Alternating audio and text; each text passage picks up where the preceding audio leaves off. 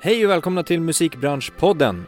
Först av allt så vill vi såklart rikta ett stort tack till dig som lyssnar och eh, till er som hör av er. Fortsätt höra av er, vi vill såklart höra vad just ni tycker. Kom även ihåg att följa DMG Education på Facebook och Instagram för uppdateringar. Vi kommer framöver i podden att starta ett nytt inslag där vi lyfter fram osignade artisters musik. Så vi vill jättegärna ta del av just din musik.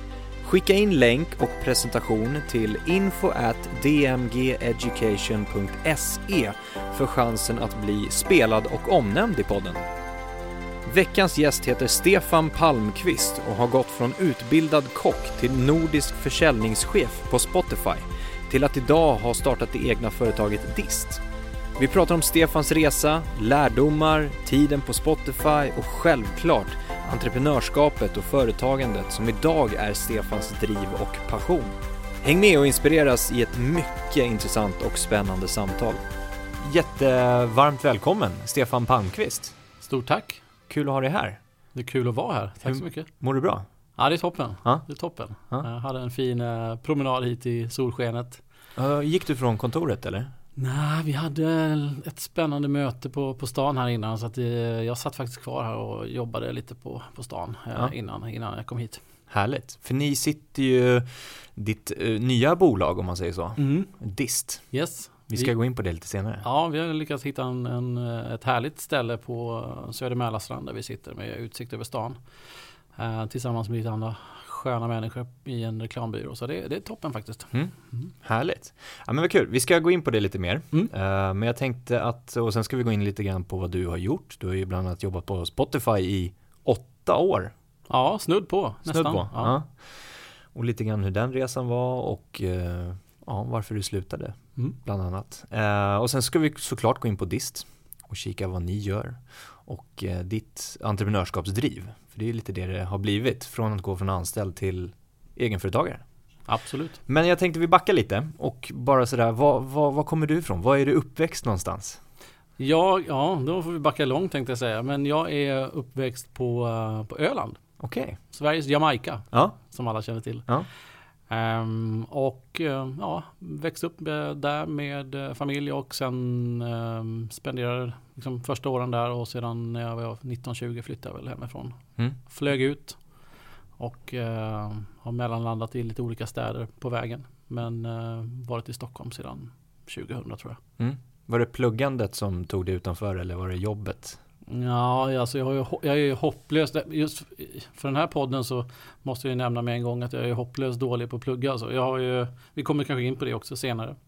Jag är svårt avundsjuk på, på folk som har eh, studerat och samlat massa högskolepoäng och gått utbildningar. Så att, ehm, det var inte så mycket studerande för mig utan det var snarare att man gav sig in i arbetslivet på olika sätt. Mm.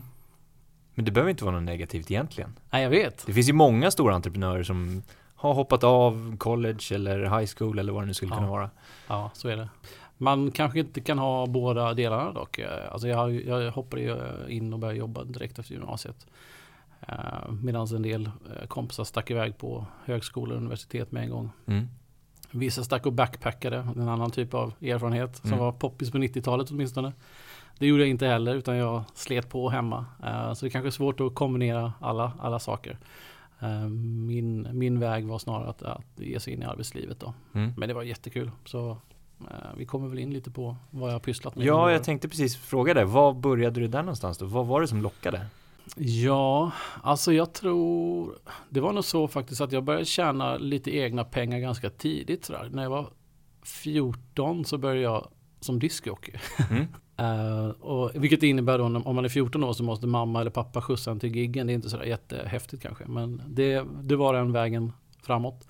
Ehm, så jag började tjäna lite egna pengar och jag tror att i kombination med att min skoltrötthet slog in där så eh, det var nog en ganska dålig kombo egentligen. Mm. Så att det gjorde att jag, min motivation för att plugga vidare var eh, minimal egentligen.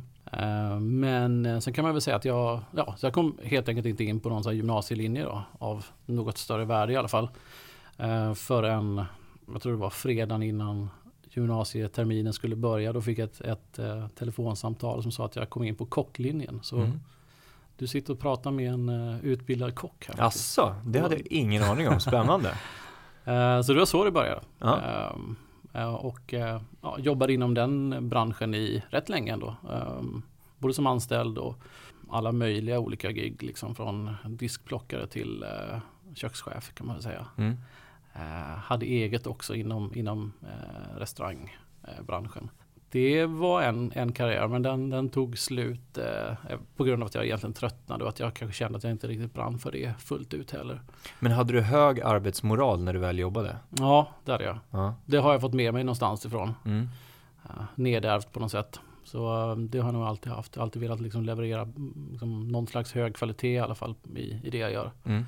Uh, och haft ja, men, tycker jag ändå bra moral, liksom kunnat jobba mycket och länge, vilket var en, en fördel i krogbranschen måste jag säga. Mm. Så det var, det var starten på yrkeslivet. Ja. Um, och det, det var väl uh, det är också såklart ganska kopplat till uh, nöjes och uh, musikbranschen på olika sätt och jag tyckte väl att det fanns element i det som jag tyckte var roligare än, än att stå bakom baren eller i ett, ett varmt kök. Vad var det då som liksom sparked Ja, men jag, eh, eftersom jag hade eh, fuskat lite som diskjockey tidigare, det var liksom en tioårsperiod eller så, som jag alltid haft det som, som någon slags parallellt eh, extrajobb då. Så uh, försökte jag snika in lite sådana DJ-spelningar också när jag jobb, på de ställena jag jobbar egentligen. Och det jag tyckte var häftigt, det var ju såklart att se folks reaktioner när man satte på liksom, den rätta låten vid rätt tillfälle och sådär. Och man kunde bygga upp en skön stämning under en hel kväll och så. Sen kanske jag var lite, jag nördade kanske ner mig lite för mycket i mina egna fabbisar så att jag, eh, jag var nog inte, ah, man kanske ska vara lite mer anpassningsbar som DJ kanske för, mm. att, för att plisa publiken. Jag hade kanske inte alltid den inställningen. Nej. Så det var väl, um, jag tror att det var det som ändå gav mig liksom en liten uh, blodad tand att jobba vidare. Liksom, att ge mig in i nöjesbranschen eller musikbranschen på något sätt. Sen hade jag också jag tror som många andra som har det intresset så um, började jag också jobba i skivbutik rätt tidigt hemma i Kalmar. Så det var ett av de här eh, första små stegen in i musikbranschen också. Mm. Hur, så, alltså, hur såg du på musikbranschen utifrån sett innan du liksom tog dig in? Hur trodde du att det skulle vara? Ja, jag vet. Det här var väl 80-90-tal så då, då, var det fortfarande en fantastisk eh, aura och eh, glamour kring eh, musikbranschen. Den blev väl lite stukad sen i slutet av 90-talet kanske. Mm. Men, men för mig var det ju, det var ju glamour och det var stort allting och det lät mycket och högt. Liksom. Mm. Så det var väl branschen för mig.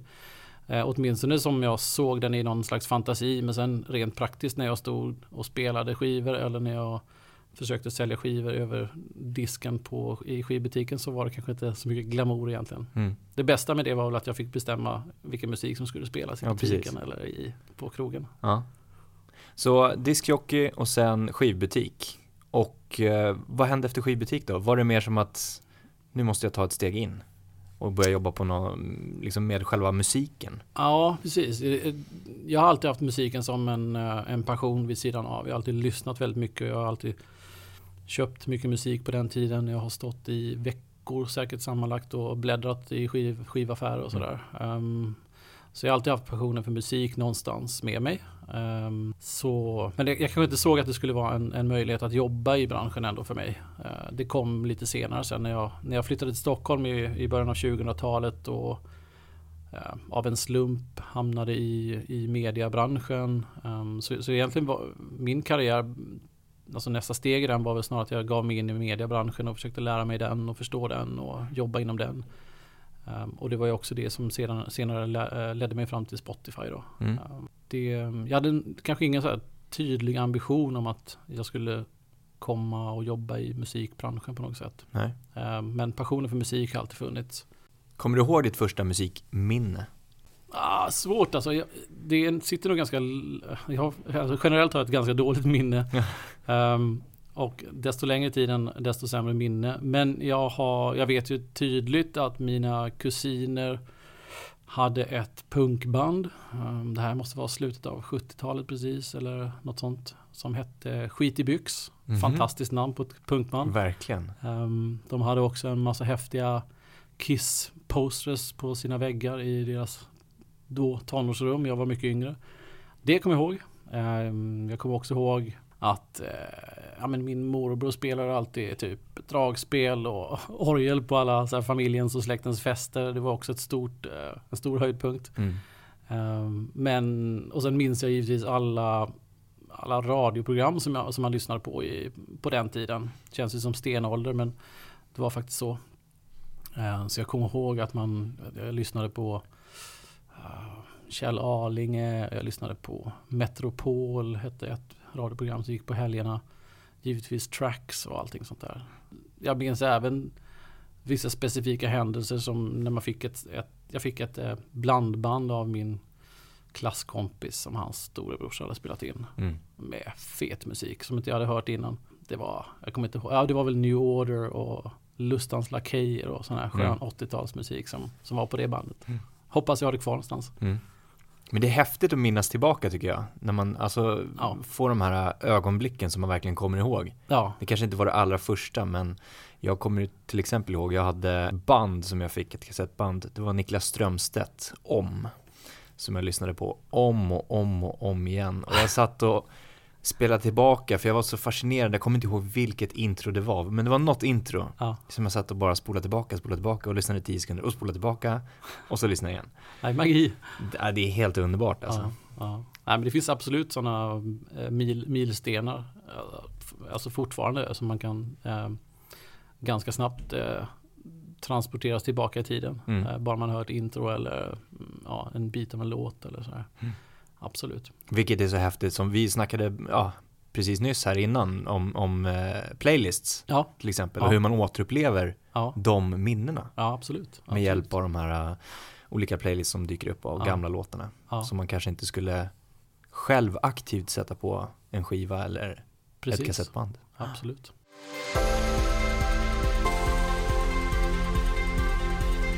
Du var i mediebranschen, var det MTG? Ja, Exakt. Ja, precis. Eh, Mitt första jobb var det var ju supersmidigt där. Eh, För att jag, hade, jag lyckades få ett jobb innan jag flyttade upp till Stockholm. Underbart. Ja, då hade jag några kompisar som jobbade på eh, Finanstidningen hette det på Ja. den tiden. En, eh, en utmanare till Dagens Industri som Stenbeck eh, eh, köpte. Och eh, så jag hade ett jobb och flyttade upp. Um, och där så hade jag väl någon slags tjänst som telefonförsäljare egentligen. Satt och sålde prenumerationer på, på dagar och kvällar. Mm. Fantastiskt kul. Man var ju alltid välkommen hos dem man ringde till. Inte. Men det var, men det var en ganska bra skola faktiskt. Ja. Det var det. Och sen så tyckte jag väl ändå att det var, var intressant. Jag tyckte att jag var ganska så bra på det här med försäljning och kunde väl på något, på något sätt ändå eh, inse att jag kunde så här bygga relationer eh, även om det är svårt att göra det i ett kort telefonsamtal. Mm. Så jag ville se hur, hur långt jag kunde gå och vad, vad nästa steg kunde vara egentligen. Så jag Såg sök- du det som en utmaning varje gång du ringde? Ja, det var en stor utmaning. Ja. Men alltså att, att du liksom eh, på något sätt gick igång på att nu jäklar ska jag övertala de här om att faktiskt köpa. Ja, jo. Man har ju lite sån, lite tjurighet och envishet. Men samtidigt, jag tycker nog att min stil var snarare någon slags um, ja, jag tog en lite mjukare approach till det än många andra som satt eh, och sålde där. Så mina Mm. kollegor, de kunde vara ganska pushiga liksom. Jag försöker nog eh, ta en liten, liten annan approach. Mm. Men jag tyckte det var kul alltså. Det var fantastiskt kul när man kunde få ett avslut som det kallas då. Eller sälja en, en prenumeration eller sådär. Mm. Ja, man fick ett tydligt kvitto på att man hade lyckats med någonting. Ja. Ehm, så försäljning in- insåg jag ganska snabbt att det var eh, någonting för mig. Så det vill jag fortsätta med. Mm. Eh, och mediebranschen som sådan var ju där i början av 2000-talet ehm, också fantastiskt spännande. Så jag, jag insåg väl ganska snabbt att, eh, att digitala medier var kul och intressant och jag slukade och konsumerade väldigt mycket digitala medier själv då tidigt. Ehm, så det, det vill jag utforska mer. Så det blev nästan, det var det som blev min röda tråd, att jag ville lära mig mer om det egentligen. Så jag började jobba på olika säljbolag och sådär som, som eh, skötte om försäljningen av, eh, på olika sajter och liknande. Eh, så en jättebra skola. Eh, och det fanns ju, det här var eh, innan, innan de här stora drakarna kom också. Eh, alltså, vi snackar ju långt före YouTube fanns Mm. och sådär. Så att det var fortfarande lite vilda västern och det fanns ganska stark, eh, ganska många lokala sajter och sådär som man kunde hjälpa till mm, med försäljning på. Så att det, var, det var kul. Och en, en bra skola, man fick liksom lära sig lite grann eh, du vet, i lugn och ro vad det här med digital marknadsföring innebar och så. Det fanns inte så mycket skolor man kunde gå heller utan det var sån learning by doing. Så det var spännande. Men du säger learning by doing. Vad kände du då var det viktigaste eller liksom lärdomen därifrån? Ja, stor fråga. Ja. Om man bryter ner den istället och säger Jaha. vad är det viktigaste att tänka på inom försäljning av det du sålde då? Alltså för mig, för mig har det alltid både börjat och slutat med produkten. Um, kanske med undantag av uh, något jobb jag haft sådär. Men annars har jag, har jag alltid haft uh, ett, en produkt eller en tjänst som jag verkligen har brunnit för själv. Och tyckt att men den här kan jag verkligen stå för. Det, det tror jag är superviktigt, åtminstone för mig. Ehm, eftersom jag har, inbillar mig, en, en, en slags relationsbyggande typ av försäljning så så vill jag också kunna leverera bra resultat och en bra produkt. Och det känns lite waste om man sitter där och försöker övertyga någon med en, en, en, en dålig produkt eller dålig tjänst. Ehm, det påverkar ju mitt, eh, mitt personliga varumärke också, inbillar mig. Så jag har väl alltid försökt omge mig med, med bra folk och bra produkter eh, i de försäljningsjobb jag, som jag har haft egentligen. Mm. Det blir roligare så helt enkelt också. Och nu då, om vi hoppar fram till övergången från ja. media till Spotify, tech ja, slash musik. Ja, exakt. Hur, hur skedde den? Ja, det var inte, det var väl ingen um, utstakad plan heller eller ambition som jag hade. Um, jag hade, efter jag jobbat som mediasäljare ett tag så gick jag över till köparsidan. Uh, klassiskt misstag från min sida. Uh, men uh, Uh, inte för att gå över till köparsidan men däremot så gjorde jag det precis i rätt tidpunkt, eller fel tidpunkt kan man säga. För jag hade ju suttit där och nött eh, och sålt digitala annonser i en tid efter IT-bubblan. Mm. Det fanns noll förtro förtroende och det fanns noll intresse och eh, efterfrågan på digitala kampanjer egentligen.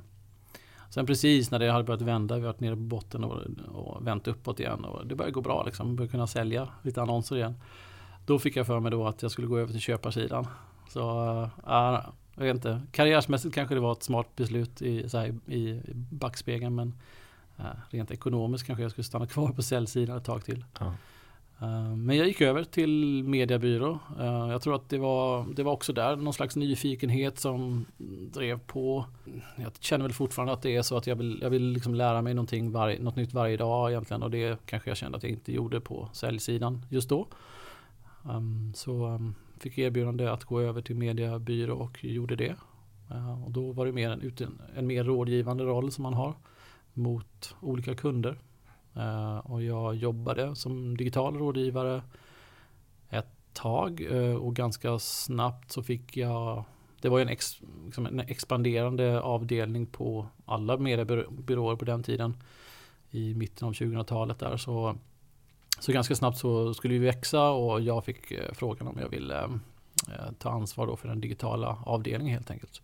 Så jag jobbade vidare operativt med kunder och rådgivning och hade då samtidigt eh, personalansvar eh, för det digitala teamet. det var, det var också kul utveckling. Mm. Eh, ett steg på, på vägen som var, som var intressant. Men att det inte var ett utstakat steg? Nej, det var faktiskt inte det utan det var en lite slump alltså. Ja. Jag tycker att det, eller för min egen del så tycker jag att det har varit ganska mycket bananskal på vägen. Mm. Som har liksom det har varit ett, den röda tråden tror jag i, i, min karriär. Men du tror inte att det kan vara så att du ändå, det du, arbetet du har gjort, den energin du har lagt på varje jobb, att de möjligheterna ändå har skapats och att det inte är rena bananskal Nej, precis. På så sätt. Ja, nej, men jag håller med. Det, det finns nu när man börjar bli lite äldre åtminstone så kan man börja se tillbaka och se vissa mönster och sådär. mm. det, det jag trodde var mer av en slump när jag var yngre, det, det har nog alltid funnits någon slags ändå något, något driv eller någon slags eh, tanke bakom att eh, eh, vad, vad, nästa steg kan vara. Mm. Däremot har jag alltid varit eh, totalt usel på att göra fem, du vet, så här femårsplaner och sånt. Det är, och det är jag fortfarande.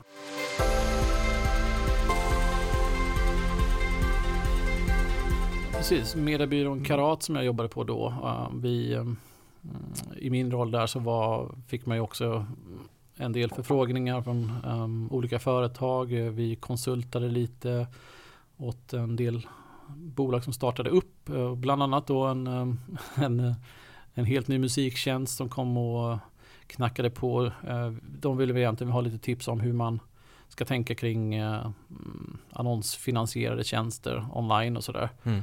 Eh, det hade de nog listat ut rätt bra själva faktiskt. Men eh, vi hade lite dialog fram och tillbaka eh, och sen så började de så smått växa. Jag tror att de fick in lite mer kapital eller fick in kapital för första gången och tänkte väl att de skulle börja liksom, kommersialisera bolaget lite mer och behövde då den typen av kompetens då. Ehm, och då fick jag frågan och eller om jag ställde frågan. Jag, jag, vet att vi satt, jag och min, den personen som rekryterade över mig då, eh, Anders Svensson på Spotify, han var försäljningschef då för Sverige.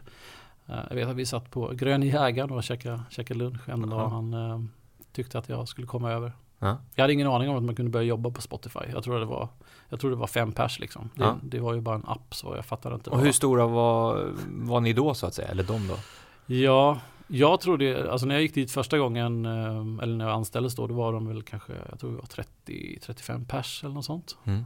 Um, jag, jag, jag, minns att jag även då tänkte så här, fan hur svårt kan det vara? Det är ju fort, det är en liten app det här. Det kan ju inte vara, behövas 35 pers för att bygga den. Men mm. jag hade ju jättefel såklart. Jag visste ju ingenting om techbolag. Men det fick jag ju ganska snabbt eh, lista ut sen då. Så det var, det var ganska early days. Det, det fanns ett, ett kärngäng som hade varit med från eh, allra första början. Eh, men eh, sakta men säkert då i den vevan här när jag kom ombord så hade, hade ju Spotify börjat att växa då. Mm. Hur gammalt var Spotify då? Ja, nu ska vi se. Jag kom dit eh, 20, sommaren 2009. Jag har för mig att Spotify lanserades i Sverige och några eh, länder till hösten 2008. Mm. Just det, det var väldigt ungt alltså. Ja, jo, det ja. var det. Absolut. Och då gick du in och började jobba med eh, annonseringsdelen ja. där helt ja, enkelt. Ja, exakt. Så personligen så gick jag ju ner kan man säga ett snäpp på um, karriärstegen. För jag gick tillbaka till mediasälj igen och, mm. som jag hade gjort tidigare då. Jag såg ju definitivt att det fanns potential att utveckla mig själv och alltså i takt med bolaget och så. Och eh, så det fanns ju så mycket runt hörnet eh, insåg jag. Så att det, det var absolut inget svårt beslut att börja jobba som mediasäljare. Och det var också en fantastisk tid för man byggde från grunden ganska mycket åtminstone liksom annonsavdelningen. Det fanns inte speciellt mycket där eh, när vi började förutom en fantastisk produ eh, produkt såklart. Men det var bara freemium-modellen då, eller hur? Ja, precis. Så vitt jag minns så var det kan vara så att vi hade en premium-variant också men, men det fanns liksom ingen differentiering mellan produkterna för, eh, förutom reklamen då möjligtvis. Men när jag började var det ju Spotify en desktop-tjänst. Mm. Så det var ju först när Apple öppnade upp portarna lite grann med iPhone och så. Och eh, deras App Store då, då kunde vi ju också lite mer skalbart göra en mobil tjänst av det. Mm. Och då blev det en tydligare uh, differentiering i produkten. Mm. Så till en början där så var ju Spotify Free uh, en desktop Eh. Eh, och det var det, den stannade ju som det rätt länge. Eh, men har ju sedan många, många år nu varit också, alltså Spotify Free har ju också varit ett erbjudande på mm, mobila plattformar. Mm. Jag kommer ihåg där, det är väl många som gör det, när man fick den första iPhonen till exempel då och man ville ha Spotify på den så var man eller tvungen, då betalade man för det. Ja, det. För att få ner den appen då. Ja. Ganska stort steg i alltså musikbranschens historia kan man väl nästan säga. Jag tror ja. att vi kommer se tillbaka på det mm. om ganska många år och säga att shit, det där var början ja. på det här nya. Ja. ja, det finns nog många så här, uh, riktiga nyckeltillfällen i, i Spotifys historia som, som man kan titta tillbaka på. Självklart liksom uh, tanken och idén från början och att Daniel och Martin liksom uh, gav sig tusan på att det här var någonting som skulle funka. Det var ett, ett stort tillfälle såklart. Anställa rätt folk från början som var super, super, super duktiga. Och, eh, men sen, sen till slut efter mycket hårt arbete också att någon faktiskt trodde på att ja, men, vi bör nog släppa in vår musik på, på den här plattformen. Mm. Det är också, det var ju inte självklart, absolut inte från början. Men eh, det var ju också ett väldigt, väldigt viktigt tillfälle såklart. Ja, och sen, ja, just att gå, att satsa på mobilen som plattform, att man ganska tidigt kunde läsa av konsumentbeteende och säga och bestämma sig för att det här, vi måste satsa benhårt på att, uh, att gå mobilt. Mm. Det, det, är också sådana som idag kan kännas ganska självklara men, beslut men, men som definitivt var beslut som kunde antingen döda ett bolag eller låta det leva vidare. Verkligen. Men hur har resan varit nu då för dig om man tittar på liksom din interna resa i Spotify? Mm. Du började på den media-säljsidan ja. och sen har du ändå klättrat, gjort någon slags karriär kan man säga. Ja, precis. Det kan man nog säga. Eh, åtminstone testat massa olika roller och, ja. och så. Um, Vilka roller har du, har du liksom testat på? Ja, um, jag fick ju chansen då att börja med mediasälj. Eh, så vi var, jag var del av det svenska teamet. Eh, det var en tid när vi verkligen byggde saker från grunden. Jag minns liksom att man satt på kvällar och nätter och byggde presentationer för att det hade vi visst inte tänkt på att man skulle ha eh, inför kundmöten och sådär. Så det, man började verkligen från scratch egentligen. Men, och sen, och sen, hade vi en fantastisk eh, räcka månader och år där egentligen. Eh, det hela annonsteamet växte och gjorde ett fantastiskt bra jobb. Väldigt smarta kollegor där. Eh, vi vann priser som bästa säljteam och det, ja, men det var väldigt, väldigt kul faktiskt. Så det var, det var första perioden där och mycket av det vi gjorde i Sverige då och i Norden mm, i säljteamet gick ju på export senare också. Så det var väldigt kul att se att man kunde faktiskt eh, bidra på det sättet också. Så i takt med att vi lanserade nya länder mm, och nya säljteam runt om i världen så kunde man se de där slidesen som man satt och hade suttit och gjort någon, någon sen kväll eller natt kunde man se poppa upp någonstans i, på andra sidan jordklotet.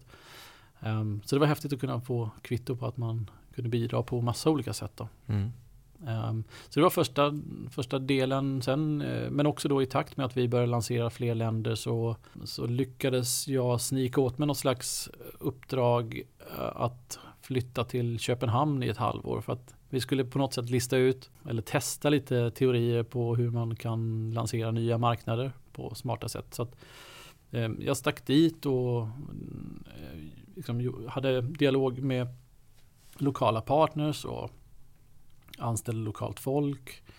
Eh, drog en massa, gjorde en massa bra saker, en hel del dåliga också så att, så att vi kunde lära oss av. Um, så vi fick väl någon slags blueprint på så här skulle vi kunna jobba när vi sen ska skala upp Spotify ännu mer och ännu snabbare i, uh, och lansera många länder samtidigt och sådär. Um, så det var, det var skitkul äventyr också. Så en, en, del av det som de erfarenheter som vi samlade på oss då det har väl använts också i, i, i lansering av nya marknader. Um, så det, det är kul att se. Kul att vara, vara del av det också. Um, flyttade hem efter ett halvår för det var ändå en, en begränsad tid, ett, ett begränsat projekt. Uh, och då började det klia lite i kroppen så att jag ville väl hitta på någonting annat. Och efter ett tag där så fick jag erbjudande om att, att ta över mm, försälj, som försäljningschef för, för Norden och, och Baltikum. Så mm. det, det, var egentligen det jag gjorde de sista eh, tre åren typ på mm. Spotify. Och förklara, vad går det ut på då som försäljningschef för mm. en app som, som vi liksom var inne på från början mm. egentligen? Mm. Ja, det innebär ju då, först och främst var ju mitt, mitt uppdrag var ju, och mitt teams uppdrag var ju begränsat till Spotify Free. Så att vi ansvarade för intäkterna som skulle komma in via annonser och den typen av partnerskap. Um, så det, är, det var själva produkten då. Um, produkten förändrades jätte, jättemycket och jättesnabbt. Det kom nya vi utvecklar nya annonsformat och mycket smartare sätt att nå ut till rätt målgrupp via targeting möjligheter och sådär. Bytte ad servers till uh, mer up to date uh, eh, annonsserver och sådär. Så, så det, det, var väldigt mycket som hände och väldigt mycket som man fick vara involverad i. Um, och självklart så en del av jobbet var ju också att, uh, att vara chef över det teamet. Ehm, så jag hade säljare i Sverige, Norge, Finland och Danmark. Ja. Så det var en, del, en hel del resande och självklart också vara med i en del kundrelationer och en del viktiga kundmöten och sådär. Hjälpa och stötta säljarna på olika sätt. Uh, och sen satt med i den nordiska ledningsgruppen också. Då. Um, så det var en ganska, ja, men det var en fantastisk roll såklart. Mm. Jättekul. Var det en spännande period också? Ja. Att göra det på? Ja, det var det. Och det var en tid när, när, när Spotify kanske då inte var den, den coola killen i klassen längre. Vi hade funnits ett tag och det ploppat upp massa nya coola mediatjänster och kanaler som man, man, man kan köpa istället. Då. Mm. Um, så då gick vi in i en ny fas där vi snarare jobbade mycket mer in, insikt och datadrivet kanske. Att vi var tvungna att sälja Spotifys annonstjänster då på, på kanske ett smartare sätt än tidigare. Mm. Man kanske kunde leva lite mer på varumärket tidigare och att man var eh, ny. Liksom. Det finns alltid ett, ett nyhetsvärde i att eh, i nya aktörer på mediemarknaden och det kan, då kan det vara ganska lätt att man adderar en sån sajt eller sån, sån spelare till en mediaplan. Men sen måste man ju också förtjäna att stanna på den planen då mm. över tid. Hur var stämningen när de här nya aktörerna poppade upp? Alltså internt på Spotify. Hur gick liksom snacket? Ja, jag tycker att det, det är en, en, en av de sakerna som jag verkligen tar med mig från min tid på Spotify. Det var att vi tittar inte så där jäkla mycket på, på motståndaren. Vi, vi fokuserar på vår, vår fight liksom. Mm. Eh, och eh, hade en tydligt utstakad plan och, och, och trodde på den. Um, så det, det fokuset och uh, den koncentrationen som jag upplevde på Spotify. Att alla team egentligen hade, det, det tycker jag var skithäftigt. Mm. Um, så vi, vi tittade inte så mycket, även, även när de här lite större spelarna började ploppa upp andra alternativ och så andra nya streamingtjänster och så där, så hade vi ändå en, en plan som vi trodde på. Mm. Uh, så det är väldigt lätt att bli liksom, ofokuserad och bli osäker på sin plan också när det plopp, om man börjar titta för mycket på vad som händer i periferin. Det där hör man ju mycket av ja, men nya startupbolag eller nya företag som dyker upp att det värsta är konkurrenterna att man tittar på dem så himla mycket och fokuserar på, ah, men vänta vad gör de för någonting? Nu gjorde de det här, hur ska vi göra det? Ja. Hur ska vi kontra? Ja. Det där är ju precis enligt textboksexempel som man ska göra. Ja. Fokusera på din plan, fokusera på liksom att tro på din affärsidé. Och, och satsa järnet på den. Absolut. Grymt, Absolut. häftigt att vara med i en sån. Då var det en ganska stor, alltså stor organisation ändå.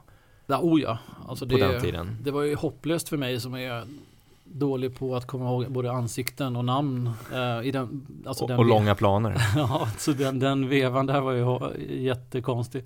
Det var Ja, det var en fantastisk tillväxttid. Liksom. Jag mm. vet inte om det var 2011, 2012 där. Då, då, då kändes det som att vi hade en väldigt hög takt i att anställa nya folk och lansera väldigt många nya marknader på kort tid och sådär. Det var ashäftigt att vara med om. Ehm, men svårt för mig som har dåligt namn och ansiktsminne. nya kollegor som poppar upp. Men det gick ändå? Ja, det funkar. Ja. Man, får ha, man får ha knep liksom. Vad hade du för knep då? Jag kommer inte ihåg.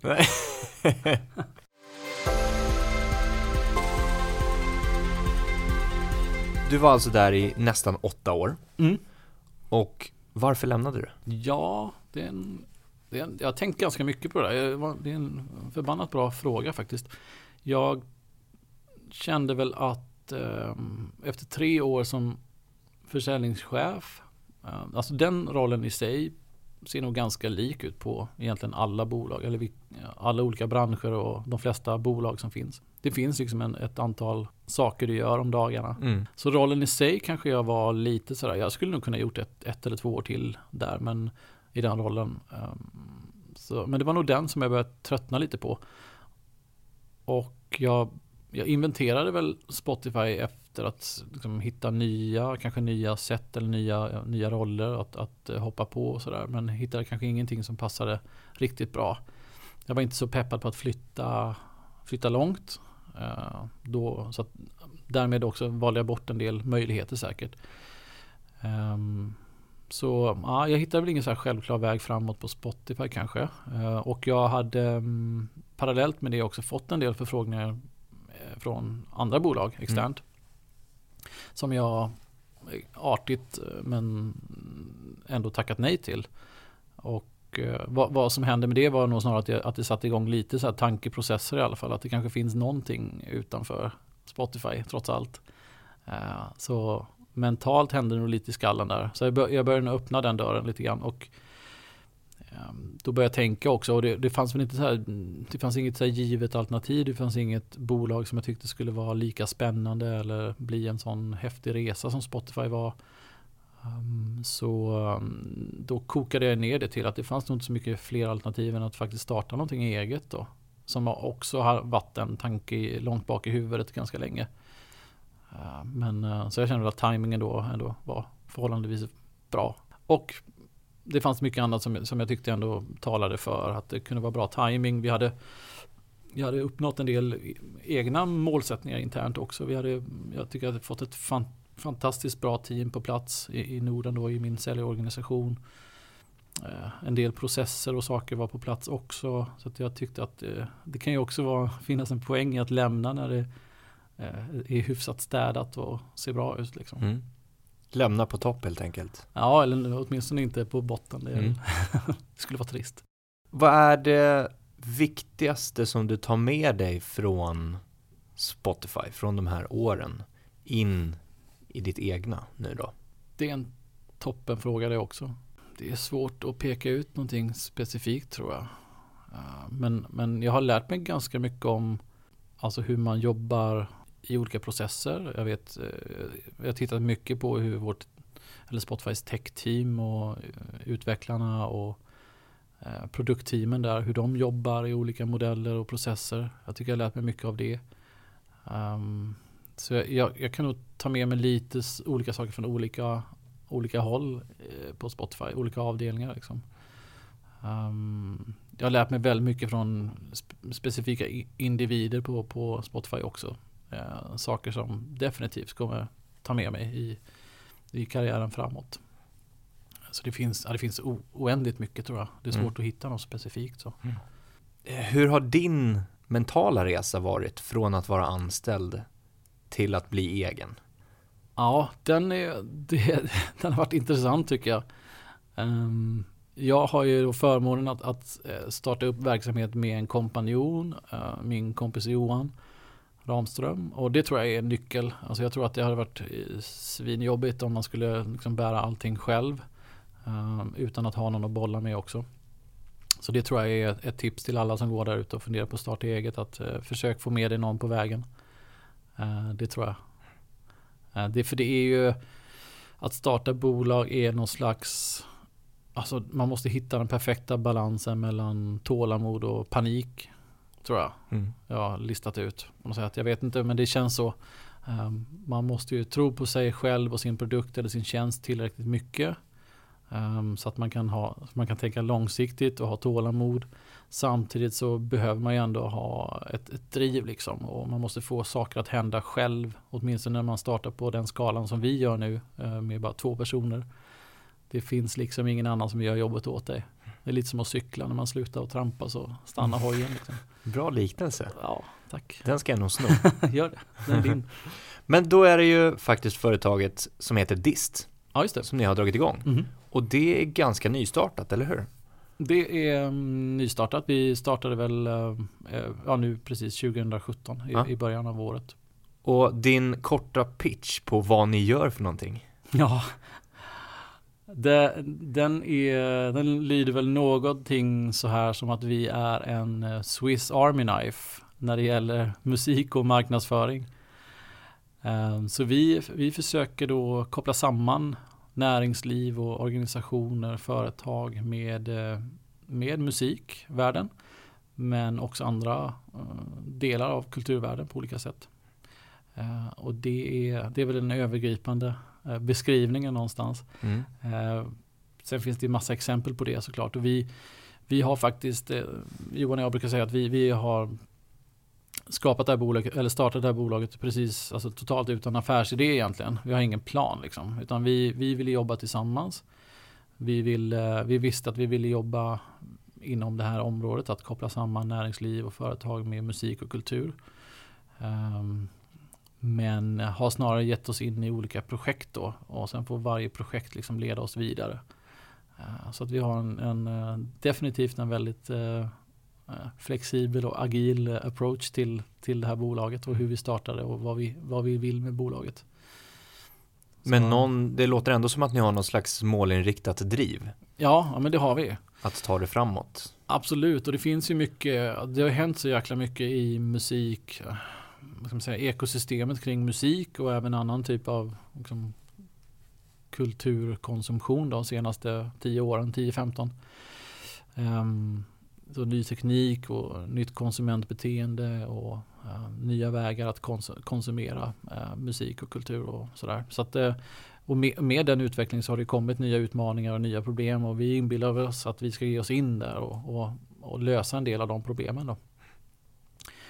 Vi, vi vet också att för, många företag och varumärken står inför stora utmaningar när det gäller marknadsföring och hur de ska nå, nå ut och nå in till sina, sina konsumenter, sina målgrupper. Mm. Eh, och vi är ju helt övertygade om att musik och kultur är alltså, väldigt underutnyttjat i, i marknadsföring. Så att där vill vi hjälpa till och göra bra partnerskap och, och bygga broar emellan.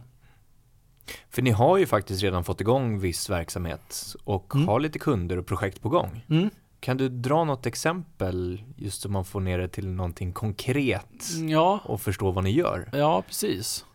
Um, så det här då, om vi, om vi tar eh, exemplet med att bygga broar och, mellan varumärken och musiklivet. Så ett exempel är att vi jobbar med en festivalplattform kan vi kalla det. Um, och det handlar om att egentligen knyt, bygga ett nätverk av ett stort antal musik och stadsfestivaler i landet.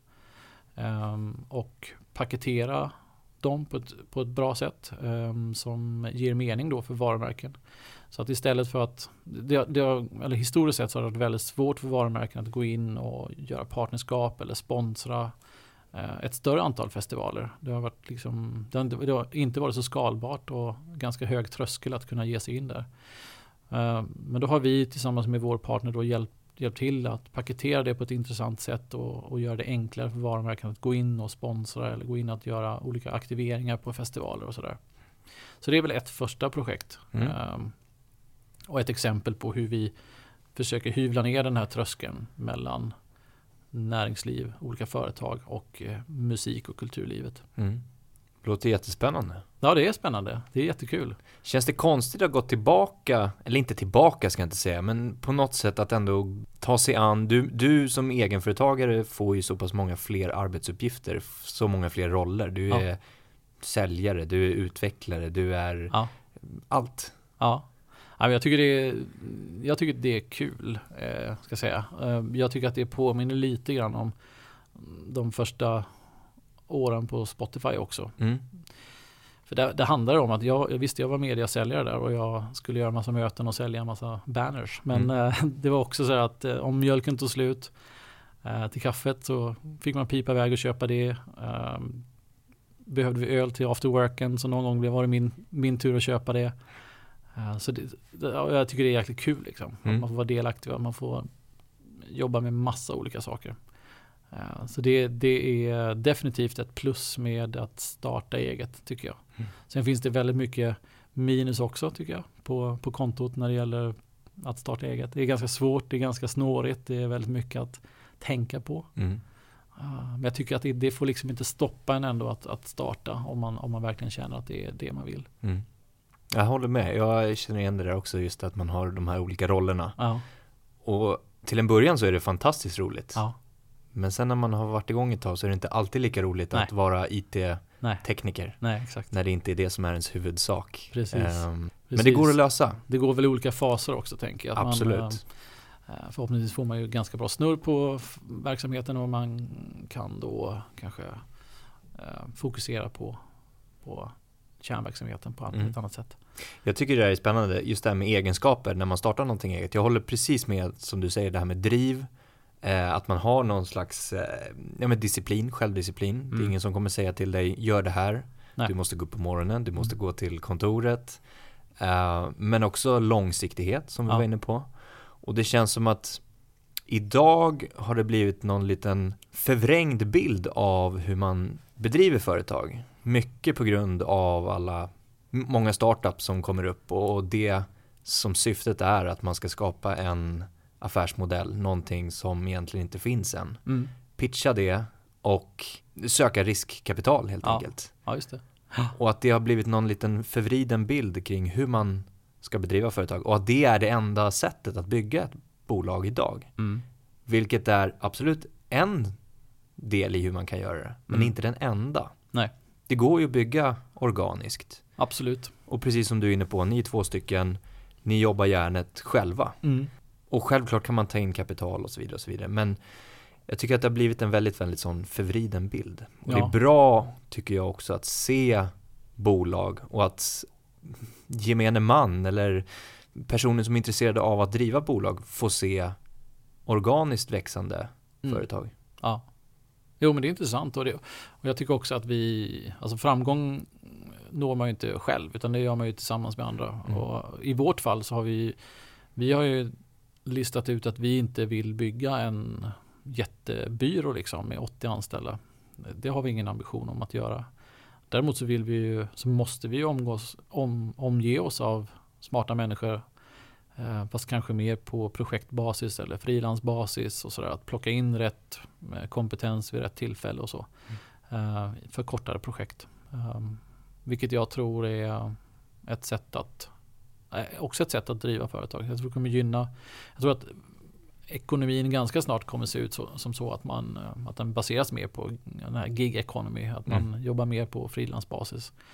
Eh, och eh, utnyttja det nätverk man har då och det man, det man har förhoppningsvis har byggt upp under, under ganska lång tid.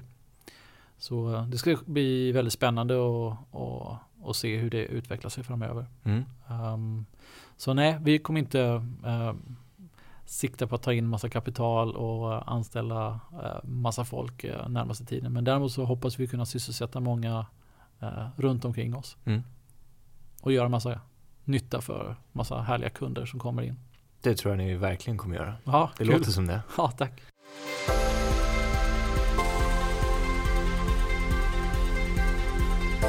Om vi kikar lite grann på musikbranschen och bara sådär dina tankar om den. Ehm, eh, vad, vilken attityd skulle du tipsa andra om att ha när man vill ta sig in i musikbranschen eller skapa sig ett jobb i musikbranschen eller starta ett bolag kanske? Ja, men jag går tillbaka till det här med att ha den, någon slags rätt balans där mellan tålamod och panik. Det måste finnas någon slags urgency eh, för att det, det driver på en. Eh, men samtidigt så måste man ha tålamod och jobba liksom eh, kanske tänka mer process, att följa planen och så vidare. Tänka långsiktigt. Så det gäller att hitta den här fina, fina balansen. Mm. Uh, självklart eh, måste man ha sin, sin övertygelse också att det, att det är verkligen det här jag vill. Eh, det här är någonting jag vill jobba med. Den här branschen vill jag in i eller det här bolaget vill jag jobba på eller den här kompetensen vill jag utveckla Mm. hos mig själv. Och eh, sen givetvis, som jag, också nämnde, det här med framgång det når man ju aldrig själv utan det, du är alltid beroende av eh, människor runt om dig. Um, Så det gäller också att, att odla de relationerna eh, och se till att man har mer, fler vänner än fiender där Mm. ute. Om vi ska avsluta lite grann med dina tips till personer som vill skapa sig någon slags karriär, antingen som anställd eller egenföretagare. Om, man, om jag tittar på alla de, de här smarta, duktiga, de bästa liksom, som, jag har, som jag har lärt känna under åren jag har jobbat. Så har det ju, alltså jag vet inte om någon, någon slags eh, gemensam nämnare är väl ändå att man har, man har lärt sig jobbet någonstans. Och man har byggt sina relationer. Och man har arbetat, kanske inte nödvändigtvis väl, väldigt mycket, men väldigt smart tror jag. Så det är väl de tre sakerna som jag tror är eh, kan man naila dem, då tror jag man kan komma långt liksom, inom vilket, eh, vilken bransch som helst. Då. Och det här med att lära sig jobbet, det kan man göra på massa olika sätt. Jag nämnde väl tidigare att jag inte jag har är en enda högskolepoäng, liksom, men man kan ju ändå lära sig jobbet genom att vara väldigt nyfiken, att eh, lära sig själv eller genom andra. Att, att plugga när alla andra sover brukar vara bra. Mm och sen att man, att man fortsätter vara nyfiken. Att man hela tiden har antennerna ute. Mm. Uh, och speciellt i en bransch som musikbranschen som, som vi alla vet eh, förändras eh, från en dag till en annan också. Så det, um, det gäller att fortsätta vara nyfiken och ha, ha intresse att lära sig mer då. Och sen relationer är superviktigt. Och återigen, framgång, framgång når man genom andra människor. Det tycker jag är superviktigt att poängtera. Mm, det är väldigt svårt att, att ta sig in i branschen helt själv. Man måste, alltså, man måste interagera med någon annan för att göra det. Ehm, det är också viktigt tror jag, att, att lära, och det kan ju alla göra egentligen, att, lära sig vem som är vem i branschen. Det, det tar inte så jäkla lång tid att lista ut. Eh, det går att googla, googla efter det eller prata med folk man känner och sådär. Ehm, så relationer är superviktigt. Och det är väl återigen när man väl börjar bygga relationer i, i en bransch så, um, så handlar det också om att uh, bibehålla det och i alla möjliga tillfällen försöka leverera kvalitet, kvalitet på det man gör. Så, uh, så kan man liksom odla de kontakterna och de relationerna uh, även mer. Eh, och sen att arbeta smart då som kanske är sista tipset. Det är väl i mitt fall så jag, jag börjar nästan lita mer, lita mer på eh, processen och inte, och inte titta så mycket på mitt slutmål egentligen. Jag tror mer och mer på det. Att uh, istället för att jaga den där uh, liksom, krukan med guld vid regn, regnbågens slut, det stora, stora omöjliga att uppnå målet så försöker jag titta på vad jag ska göra idag och vad jag ska göra nästa dag och vad jag ska göra nästa vecka och nästa månad och försöka jobba liksom strukturerat och um, med kontinuitet. Det tror jag. Eh, och då kommer ofta framgångarna så, så länge man jobbar med att uh, leverera bra kvalitet och bra grejer. Liksom. Så ja, det skulle väl vara de, de tre tipsen då. Suveränt, jättebra tips. Ja, tack. tack. Kanon. Ska och... försöka leva efter dem själv också. Ja, precis. så att det inte blir skomakarens skor. Ja, precis. Jättekul. Bra tips. Jätteintressant samtal. Ja, tack detsamma. Eh, vad står på agendan framöver nu för dig? Ja, idag ska jag väl, um, nu är det ju eftermiddag så jag ska väl runda av uh, den här dagen. Mm. Um, och sen så är det ju faktiskt en liten tillställning ikväll här. Mm några kompisar i branschen som anordnar något kul här. Så att, eh, det ska bli kul. Trevligt. Eh, och sen framöver så är det väl fokus på att eh, lyfta Dist Stockholm till eh, oanade höjder. Precis. Ja. Och var hittar man er någonstans? På nätet? På nätet, eh, diststockholm.com. Eh, vi finns på Facebook, vi finns på Instagram, mm. vi finns på LinkedIn och vi finns även på Bellmansgatan 2 om man vill eh, hoppa in och hälsa på på en kopp kaffe. Härligt. Mm. Stort tack för att du ville vara med i podden. Tack själv.